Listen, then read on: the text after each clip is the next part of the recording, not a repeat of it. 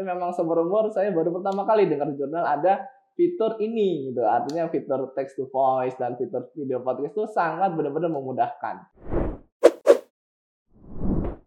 Halo sahabat BPHN, insan pengayoman dan sobat juara di seluruh Indonesia. Selamat datang di podcast kita pada program juara, jurnal refinding dan artikel hukum bersuara. Senang sekali hari ini saya Reza dari Pusat Analisis dan Evaluasi Hukum Nasional BPHN Kementerian Hukum dan HAM kedatangan sobat juara kita untuk mendengar pengalamannya sebagai salah satu pengguna layanan program juara. Ada Mas Rehan.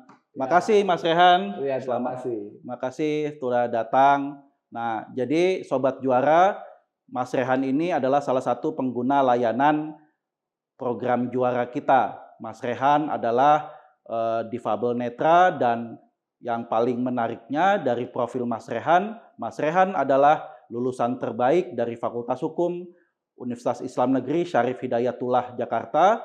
Pada saat lulus, beliau meraih indeks prestasi kumulatif 3,94. Luar biasa. Nah, itulah uh, profil dari Mas Rehan. Nah, sekarang kami mau ngobrol-ngobrol nih sama Mas Rehan difabel netra yang uh, sebagai salah satu pengguna layanan program juara kita. Mas Rehan, uh, pertama boleh perkenalkan diri dulu deh, apa uh, Mas Rehan siapa, kemudian uh, latar belakang pendidikan terutama dan lain sebagainya. Silakan Mas Rehan. Ya boleh. Halo sobat juara, saya Rehan Novali Hidayat. Saya sekarang sedang menempuh pendidikan strata 2 di Fakultas Hukum Universitas Indonesia. Oke. Ya, jadi Mas Rian setelah meraih cum laude di Fakultas Syariah dan Hukum Universitas Islam Negeri Jakarta, beliau langsung lanjut menempuh S2 di Fakultas Hukum Universitas Indonesia. Wow, menarik sekali. Nah, kenapa Mas Rehan eh, tertarik mengambil jurusan hukum? Ya, karena hukum itu isinya penuh dengan segala apa yang dicita-citakan, apa yang didamba-dambakan, dan itu merupakan entitas utama negara kita sebagai negara hukum, maka itu banyak hal-hal menarik di dalamnya yang bisa kita dalami dan kita pelajari. Iya, itu uh, jurusannya apa ya uh, hukum? Uh, saya mengambil program studinya Magister Ilmu Hukum, konsentrasi hukum kenegaraan. Oh, hukum kenegaraan, oke, okay, wow. Nanti satu saat akan apa mengemban amanah penting di dalam ketatanegaraan kita nih. Amin. Amin. Nah, eh, kan pastinya tuh waktu dulu kuliah S1 itu harus mencerna, membaca atau eh, mendapat informasi dari dokumen-dokumen tertulis ya. Betul. Nah, dengan apa kondisi Mas Rian tuh boleh diceritakan nggak eh, apa bagaimana selama ini cara mendapatkan informasi dari dokumen tertulis seperti buku, jurnal, eh, apa pun itu yang mungkin dari perpustakaan dan lain sebagainya. Iya betul. Saya itu memang sehari-harinya itu sangat senang sekali membaca apa pun itu bentuknya mau membaca buku, membaca artikel jurnal, itu saya padu-padankan. Artinya memang saya baca buku untuk teori-teorinya, buku-buku hukum yang tebal-tebal itu. Saya baca semua tuh, mulai dari Jimlia Sidiki, sampai bukunya Hans Kelsen, saya baca semua. Hingga untuk mengupdate, update isu hukum, itu berguna banget jurnal itu. Artinya tidak hanya itu, banyak uh, applying teori, teori-teori yang diterapkan, penggunaan teori, analisa, memperdalam, itu dari artikel jurnal. Itu gunanya saya mempadu-padukan kombinasi literasi antara buku dan artikel jurnal. Kalau buku atau jurnal hukum tuh ada yang dengan huruf braille misalnya atau pernah ada? Kalau literatur braille hukum khususnya jarang ya, oh. jarang sekali. Jadi saya untuk membypass gitu. Kalau misalnya kita butuh berjalan terus kan kuliah itu, itu saya memang teknologi aja lah gitu yang memang saat ini udah benar-benar mendukung kita adaptif itu saya pakai itu aja lah saya manfaatin banget seraya teman-teman saya mendukung ketika memang tidak terjangkau sama teknologi itu misalnya saya sering tuh ke perpustakaan kan itu ya. buku-bukunya fisik semua tuh ya, ya. nah itu saya mau tidak mau memang saya minta tolong teman-teman saya untuk tolong bacain dong ini buku misalnya buku teori hukum gitu. Tolong bacaan yang pertama seperti baca biasa aja. Pertama baca daftar isinya dulu, mana nih yang menarik gitu. Saya baca. Jadi membaca bukunya, mendapatkan informasi dari buku, jurnal itu banyak dibantu teman-teman ya. Ya, betul. Kalau alat bantu ada nggak? Hanya komputer dan HP. Komputer dan HP. Ya, Oke. fitur itu suara. Ya, ya. Nah, dari komputer dan HP itu kan eh, kita ada podcast eh, juara dan juga text to voice nih eh, sebagai salah satu pengembangan layanan jurnal refinding yang dikelola oleh BPHN Kemenkumham. Ya. Nah, ini memang orientasi utamanya untuk meningkatkan dan memperluas layanan inklusif jurnal refinding BPHN Kemenkumham. Ya. Nah, Mas Rian tuh kan pernah eh, mendengar dan mendapatkan informasi soal itu ya. Oh iya. Nah, boleh cerita nggak ya. kesannya, pesannya mungkin nanti eh, juga masukan dan lain sebagainya. Silakan Mas Rian. Ya benar. Memang pertama kali itu mahasiswa hukum ya atau insan akademik hukum itu siapa sih yang nggak kenal sama jurnal refinding BPHN Kemenkumham ini? Karena itu memang jurnal sangat terkenal sekali. Artinya udah sangat terkenal sekali gitu. Artinya itu memang jurnal refinding itu dosen-dosen bahkan memang yang gelarnya berbagai macam itu, yang gelarnya berrentet-rentet itu pada berburu-buru gitu masuk ke jurnal refinding ini. Artinya memang dari segi kualitas itu udah tidak usah diragukan lagi gitu. Bahkan saya itu selalu memantau tema-temanya nih. Jadi saya sama teman saya itu sesama penggemar penulisan itu langsung nih kalau misalnya ada uh, rilis tema baru dari refinding langsung kita jebret, "Wih, ada tema baru nih." gitu. Ayo, menarik nih masih isi-isinya itu. Dulu salah satu dosen saya juga uh, pernah nulis di refinding namanya Pak Sodikin itu nulis waktu itu temanya omnibus law. Wah, itu langsung banyak gitu. Jadi memang sangat uh, aktif sekali ya artinya benar-benar update refinding itu terus benar-benar yang kekinian dan dari segi analisa teoritisnya pun juga sangat dalam itu yang benar-benar saya banyak merujuk uh, jurnal refinding ini untuk mengembangkan analisa saya dan memperluas cakrawala pengetahuan. Jadi refinding terus misalnya jurnal Kemenkumham lainnya misalnya kayak jurnal uh, kebijakan ilmiah atau jurnal de jure, jurnal HA, oh banyak banget. Tuh sebelum jurnal yang lain-lain itu jurnal internasional Scopus itu benar-benar jurnal itu membantu banget bagi mahasiswa hukum untuk mengembangkan analisisnya, mengembangkan kepenulisannya, mengembangkan teorinya yang kita lengkapi juga dengan buku-buku. Oke, wah jadi terlihat ya Mas Rehan itu bukan satu hari dua hari aja membaca jurnal, membaca mendapatkan informasi dari buku-buku dan jurnal-jurnal hukum, tapi memang beliau rajin eh, mencari dan juga mendapat informasi dari substansi-substansi hukum yang ada di buku dan khususnya jurnal.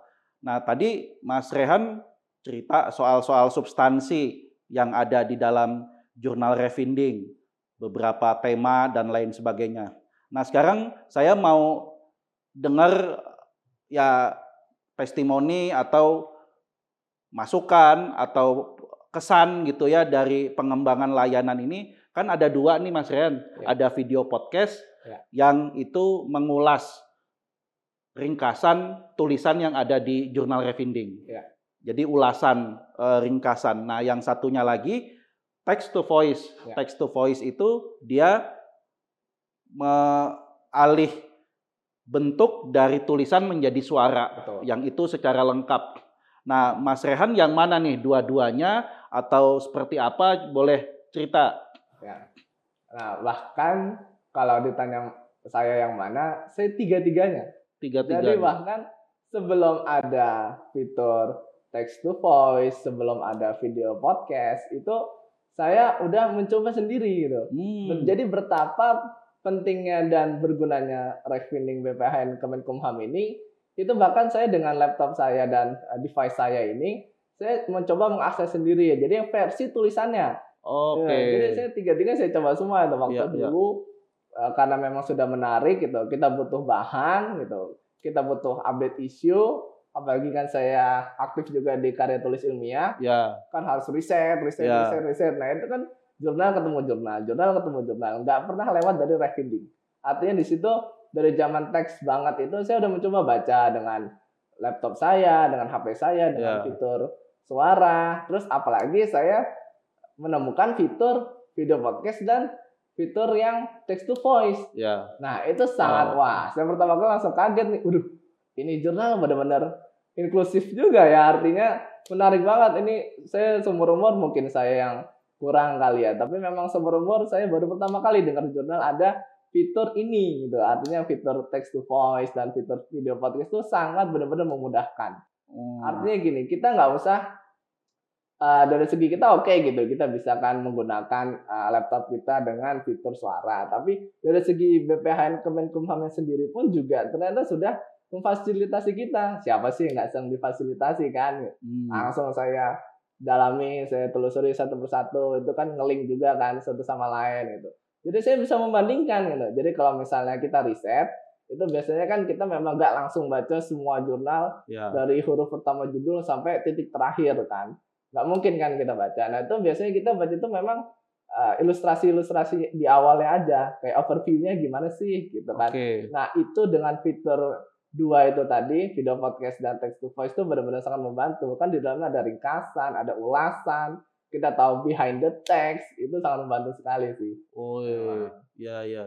Nah, jurnal Revindik ini kan dulu awalnya lahir tahun 2012 ya, Ya. Mas Rehan ya. Terus tadi Mas Rehan cerita bahwa sudah menikmati layanan tulisan, artikel yang ada di jurnal Revinding waktu masih manual yang konvensional langsung dari tulisannya ya. itu masih inget nggak awalnya tahun berapa terus makin intens sejak tahun berapa gitu Uh, kalau awalnya itu saya mulai riset dan butuh bahan artikel jurnal itu memang sejak saya pertama kali masuk Fakultas Syariah dan Hukum. Itu sejak tahun 2018. Jadi sejak saya mahasiswa itu, saya tuh awalnya tuh wah nggak tahu sama sekali nih artinya apa sih itu artikel jurnal gitu. Apa sih jurnal gitu. Apa sih jurnal yang bagus, nasional, terakreditasi itu saya nggak tahu sama sekali. Jadi Hmm. semakin ke sini semakin ke sini saya mendalami riset saya baca baca semua saya cari tahu dan memang ketemulah akhirnya jurnal-jurnal yang bagus yang benar-benar terakreditasi yang benar-benar substansinya dalam menyeluruh komprehensif itu akhirnya saya dalami itu terus setiap saya up- update isu bahkan juga saya kalau iseng-iseng saya juga turut menjadi kontributor nulis Hmm. juga dalam beberapa jurnal dan lain sebagainya Oh, ya ya.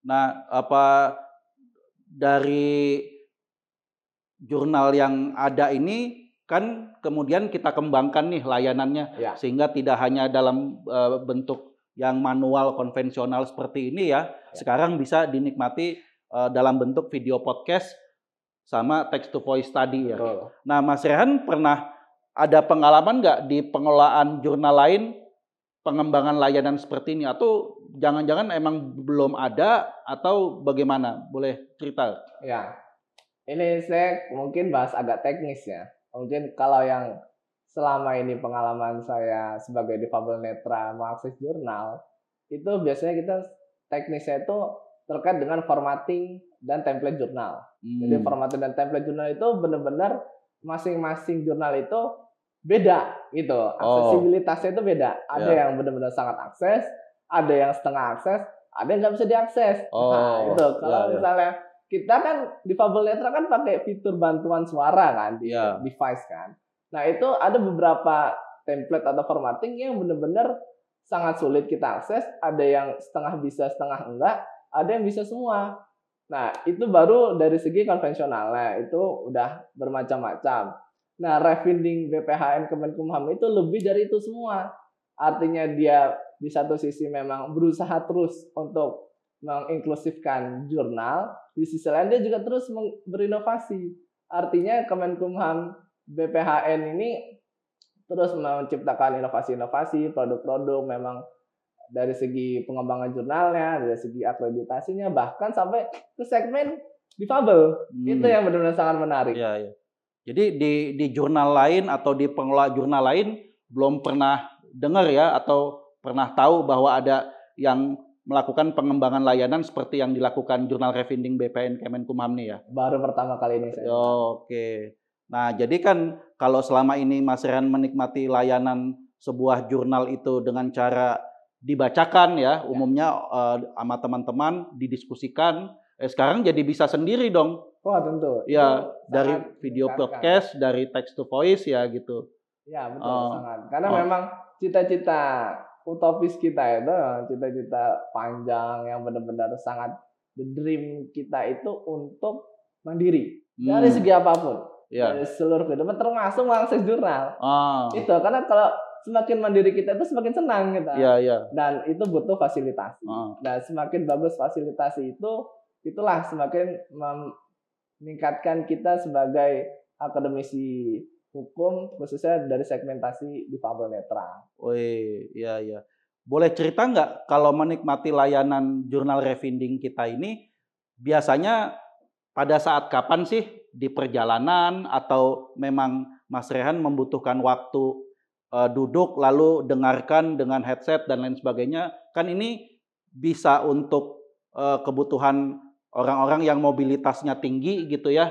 Ya. Bisa di transportasi publik bisa di uh, kereta bisa di uh, mungkin pada saat uh, menunggu pesawat uh, terbang gitu kan di bandara dan lain sebagainya untuk yang mobilitas tinggi. Nah buat apa teman-teman uh, difabel itu uh, selama ini pada momen-momen seperti apa biasanya menikmati pengembangan layanan jurnal refinding bersuara ini? Iya. Kalau misalnya kita bicara tentang cara atau kapan sih kita memang mengakses hmm. sehari-harinya jurnal itu, kalau saya pribadi sih itu karena jurnal ya, artikel jurnal. Hmm substansinya yang dalam begitu artinya kan berat nih. Mm. Nah itu saya memang butuh saat-saat yang benar-benar bisa konsen.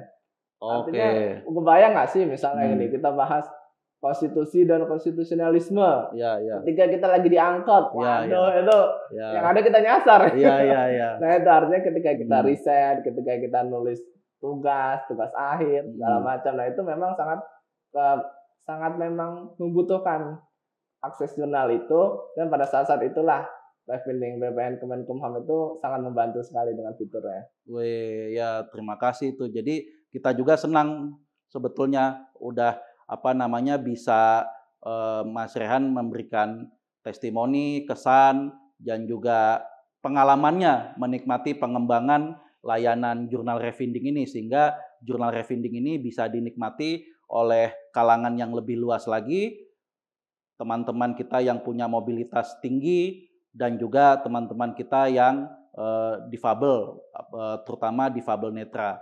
Nah, Mas Rehan uh, di dalam difabel apa komunitas itu kan biasanya ada ya komunitas ya. difabel dan lain sebagainya. Mas Rehan banyak bergabung juga berinteraksi sosialisasi dengan teman-teman uh, di komunitas uh, difabel itu boleh cerita juga nggak?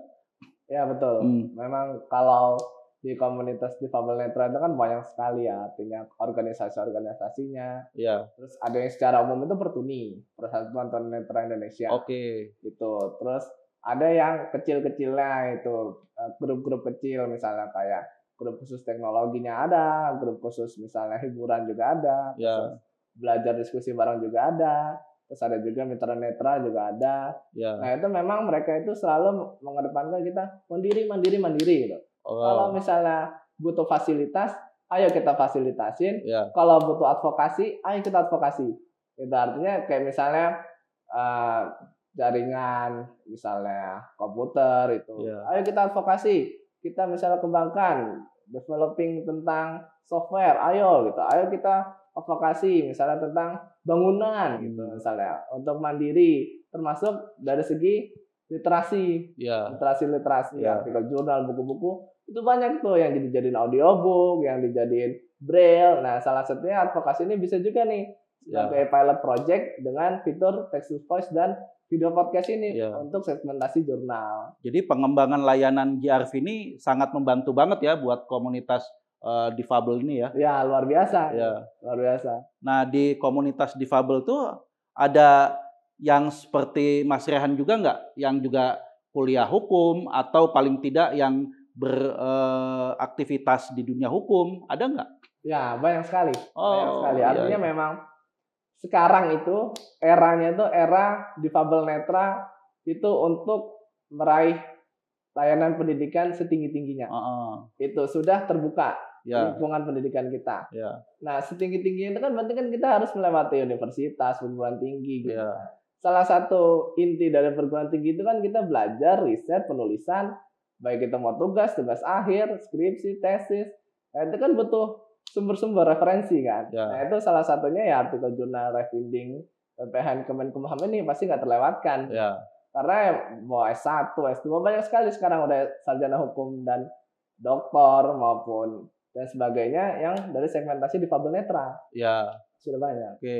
Eh, jadi dengan kan kalau bela- di perguruan tinggi itu kan tiga hal ya belajar riset dan kemudian pengabdian masyarakat ya. Tridharma. Nah dari apa penjelasan dan pengalaman Mas Ran ini mudah-mudahan ini juga bisa jadi salah satu eh, pengamalan dharma pengabdian masyarakat dari Mas Rehan yang kemudian juga eh, membantu menjelaskan bahwa BPAN melalui jurnal refinding mengembangkan layanan yang lebih inklusif lagi sehingga eh, jurnal refinding bisa dinikmati oleh eh, pa- teman-teman kita yang difabel dan juga eh, para profesional hukum yang memiliki mobilitas tinggi.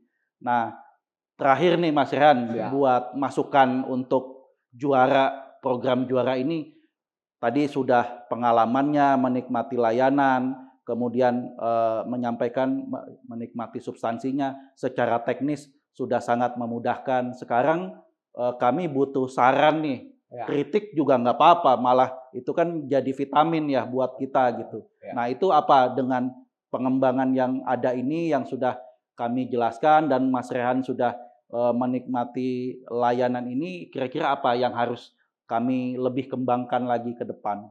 Ya, betul. Jadi kalau misalnya berdasarkan pengalaman saya sehari-hari, itu memang untuk membaca jurnal itu biasanya ada beberapa keperluan. Misalnya ada keperluan untuk cuman ingin tahu, ada keperluan sebagai mencari data, Hmm, ada keperluan juga sebagai untuk bahan pengayaan. ya, Nah, itu dari tiga metode pengakses jurnal refinding ini, itu semuanya bisa tiga-tiganya kita maksimalin ya, dari segi teksnya, formatting template, Oke. itu bisa kita maksimalin gimana caranya biar inklusif. Artinya gini, kalau misalnya saya bandingin sedikit ya, mungkin bagi sebagian orang kurang apple to apple, tapi mungkin bagi saya bisa jadi semangat, ya. semangat untuk mengembangkan OJS-nya Refinding itu biar lebih inklusif lagi. Hmm, Di tampilan interface Google itu biasanya ada dua mode, hmm, mode untuk screen reader, hmm, mode untuk orang awas. ya, Nah itu. Nah yang mode untuk screen reader itu itu semuanya dibuat seakses mungkin dengan pembaca layar. hmm, Artinya gitu, tidak sebagus yang dilihat, tapi itu sangat akses. hmm, Jadi fitur-fitur menu-menunya mungkin juga kalau bisa sampai template-nya disesuaikan bisa. Salah satu kelemahan screen reader itu ialah membaca kolom. hmm, Nah, membaca kalau kolom. Oke, Dibuat dua versi, tapi nggak tahu ya mungkin agak capek. ya, itu bisa jadi sangat berguna itu artinya versi untuk penglihatan sama versi untuk suara ya, itu dijadikan dua versi. Jadi kita tinggal klik menu nih misalnya nih. Ah, apakah anda menggunakan screen reader? Ya Hmm. membaca layar klik gitu. Nah, langsung berubah interface-nya. Ya, langsung berubah isi isinya dengan template yang telah disesuaikan. Satu. Yang kedua untuk dari segi video podcastnya itu udah sangat membantu sekali. Tinggal mungkin diperbanyak segmentasinya lingkupnya. Hmm, ulasannya juga mungkin bisa lebih diperdalam. Ya, ya, tiga hal gitu. Ya, substansi cara riset dan outputnya. Hmm, nah dari segi text to voice-nya nah itu mungkin bisa lebih dikembangkan lagi bentuk-bentuknya. Jadi mungkin tidak tidak hanya sekedar uh, ulasan singkat gitu mungkin Hmm. atau mungkin bisa dipadu-padankan kan artikel jurnal itu intinya kan tiga hal judul abstrak latar belakang dikit rumusan masalah kesimpulan ya, Nah, yang gitu-gitu. Hmm. Intinya yang pakem-pakemnya itu mungkin bisa juga dikonversikan menjadi text to voice gitu. Wah, ya. Wih, luar biasa. Jadi selain substansi, Mas Rehan juga menyampaikan masukan untuk kita semua nih, eh, teman-teman redaksi Jurnal Refinding, untuk juga selalu meningkatkan layanan eh, Jurnal Refinding kita. Tadi Mas Rehan menyampaikan masukan dari pengguna layanan sehingga kita nanti harus lebih meningkatkan lagi kemudahan-kemudahan terutama bagi para pengguna layanan jurnal vending difabel netra dan juga ke, apa teman-teman yang punya mobilitas tinggi untuk menikmati layanan jurnal refinding. Terakhir Mas Rehan ya. uh, closing statementnya nih buat kami semua juga khususnya buat masyarakat lebih khusus lagi buat uh, teman-teman Mas Rehan di komunitas difabel dan lain sebagainya dengan layanan juara ini dan mungkin uh, spirit untuk uh, apa namanya selalu haus akan informasi misalnya ya, ya sehingga nanti bisa mengembangkan potensi-potensi yang ada uh, di dalam diri. Silakan. Ya. ya. Ya, jadi untuk khusus ilmu pengetahuan itu memang menjadi jantung dari berkembangnya peradaban dunia. Hmm. Nah, salah satunya ialah dengan meningkatkan literasi. Itu banyak ragamnya. Artinya literasi dari segi mungkin dalam bentuk buku-buku, dari segi artikel jurnal, majalah, dan lain sebagainya. Dengan adanya perkembangan teknologi ini, itu justru membuat kita semakin dipermudah. Semakin dipermudah, semakin dibuat gampang kitanya, itu dia yang harus kita manfaatkan betul. Hmm. Komputerisasi dan diintegrasikan dengan jaringan internet itu sangat mempermudah kita. Bayangkan aja dari dulunya artikel jurnal itu bentuk fisik gitu, ya. yang akhirnya bisa dengan OJS, ya. itu kan luar biasa. Artinya ya, gini, gini ya. Oh. Nah, ya. demikian tuh. Artinya gini, artinya memang dari segi teman-teman BPHN Kemenkumham itu saya sangat berapresiasi sekali. Itu terus inovasi itu benar-benar dilanjutkan terus dikembangkan terus. Jangan pernah lelah untuk berinovasi. Bahkan pertama kali saya dihubungi itu saya langsung wah menarik ini bisa langsung didaftarkan ke rekor muri kalau bisa. Satu-satunya artikel sistem jurnal yang bisa mengembangkan sampai ke segmentasi difabel netra. Hmm. Nah itu terus dari segi teman-teman semua fasilitasi yang udah dibangun ini walaupun tidak sempurna 100% tidak ada salahnya kita memaksimalkan. Artinya memang sangat dipermudahkan dengan adanya text to voice, dengan adanya video podcast.